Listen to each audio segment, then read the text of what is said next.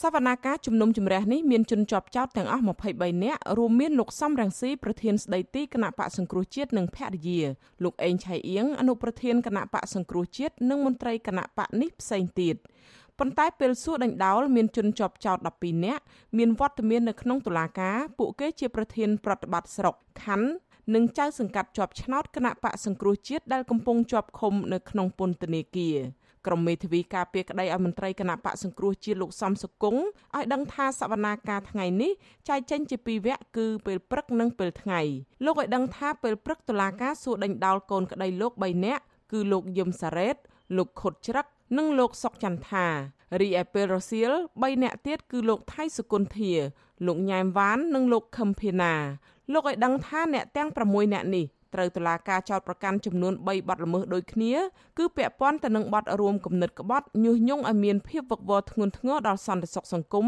និងញុះញង់កុំឲ្យយុធិនស្ដាប់បង្គាប់លោកមេធាវីឲ្យដឹងទៀតថា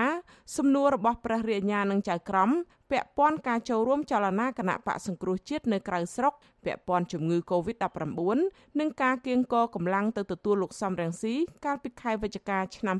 2019ជាដើម សួរទៅហាក់ដូចជាមានការហៅថាសំសន្មត់ទុកជាមុនថាមានទុកណាដូចមានជំនៀងអញ្ចឹងគេសួរបដោតគោលបំណងប្រមូលមនុស្សឬក៏ទៅចូលរួមដើម្បីទទួលអាដាមសំនគូនៅថ្ងៃទី9ខែវិច្ឆិកាហ្នឹងហើយតកតងទៅនឹងការដឹងព័ត៌មានក៏ដូចជាការទទួលបញ្ជាផ្សេងៗប៉ុន្តែពួកគាត់ទាំងអស់គាត់បានបដិសេធថាគាត់មិនបានទទួលបញ្ជាពីកណាទេគឺអ្វីដែលគាត់ខុសអ្វីដែលគាត់ធ្វើនោះគឺដោយចិត្តដោយឆន្ទៈដោយ គំនិតរបស់គាត់ផ្ទាល់ទេហើយក៏គាត់បង្ហាញថាគាត់បង្ហាញពីថាចេញគំនិតឬក៏ចេញឆន្ទៈរបស់គាត់មិនមែនជាការទទួលបញ្ជាទេលោកមេធាវីដដែលឲ្យដឹងថាកូនក្តីរបស់លោកភៀកច្រើននៅតែបដិសេធថាពួកគេមិនបានប្រព្រឹត្តបទល្មើសដោយការចោទប្រកាន់ទេលោកបន្តថាក៏មានកូនក្តីលោកផ្សេងទៀតបដិសេធមិនឆ្លើយទៅនឹងសំណួររបស់តុលាការព្រោះពួកគេមានបញ្ហាសុខភាព និងមានការភ្លេចភ្លាំងច្រើនព្រោះតែសារធាតុវិទ្យុសកម្មនៅក្នុងពន្ធនាគារ ថាគេដាក់អាប្រព័ន្ធផ្ដាច់ទូរស័ព្ទណាហើយធ្វើឲ្យគាត់នឹងមានបញ្ហាពេចព្រាំងច្រើនហើយអ្នកផ្សេងផ្សេងនេះគឺគាត់បានឆ្លើយ ថាគាត់មិនមានដំណាក់ដំណងអីជាមួយនឹងចលនាសង្គមជាតិអីទេគឺពួកគាត់ហ្នឹងគឺគ្រាន់តែអតីតគាត់ជាអ្នកសកម្មជនក៏ដូចជាអ្នកគ្រប់គ្រងគណៈបកសង្គមជាតិមិនមានអីជាផែនការអីដូចរដ្ឋាភិបាលទេស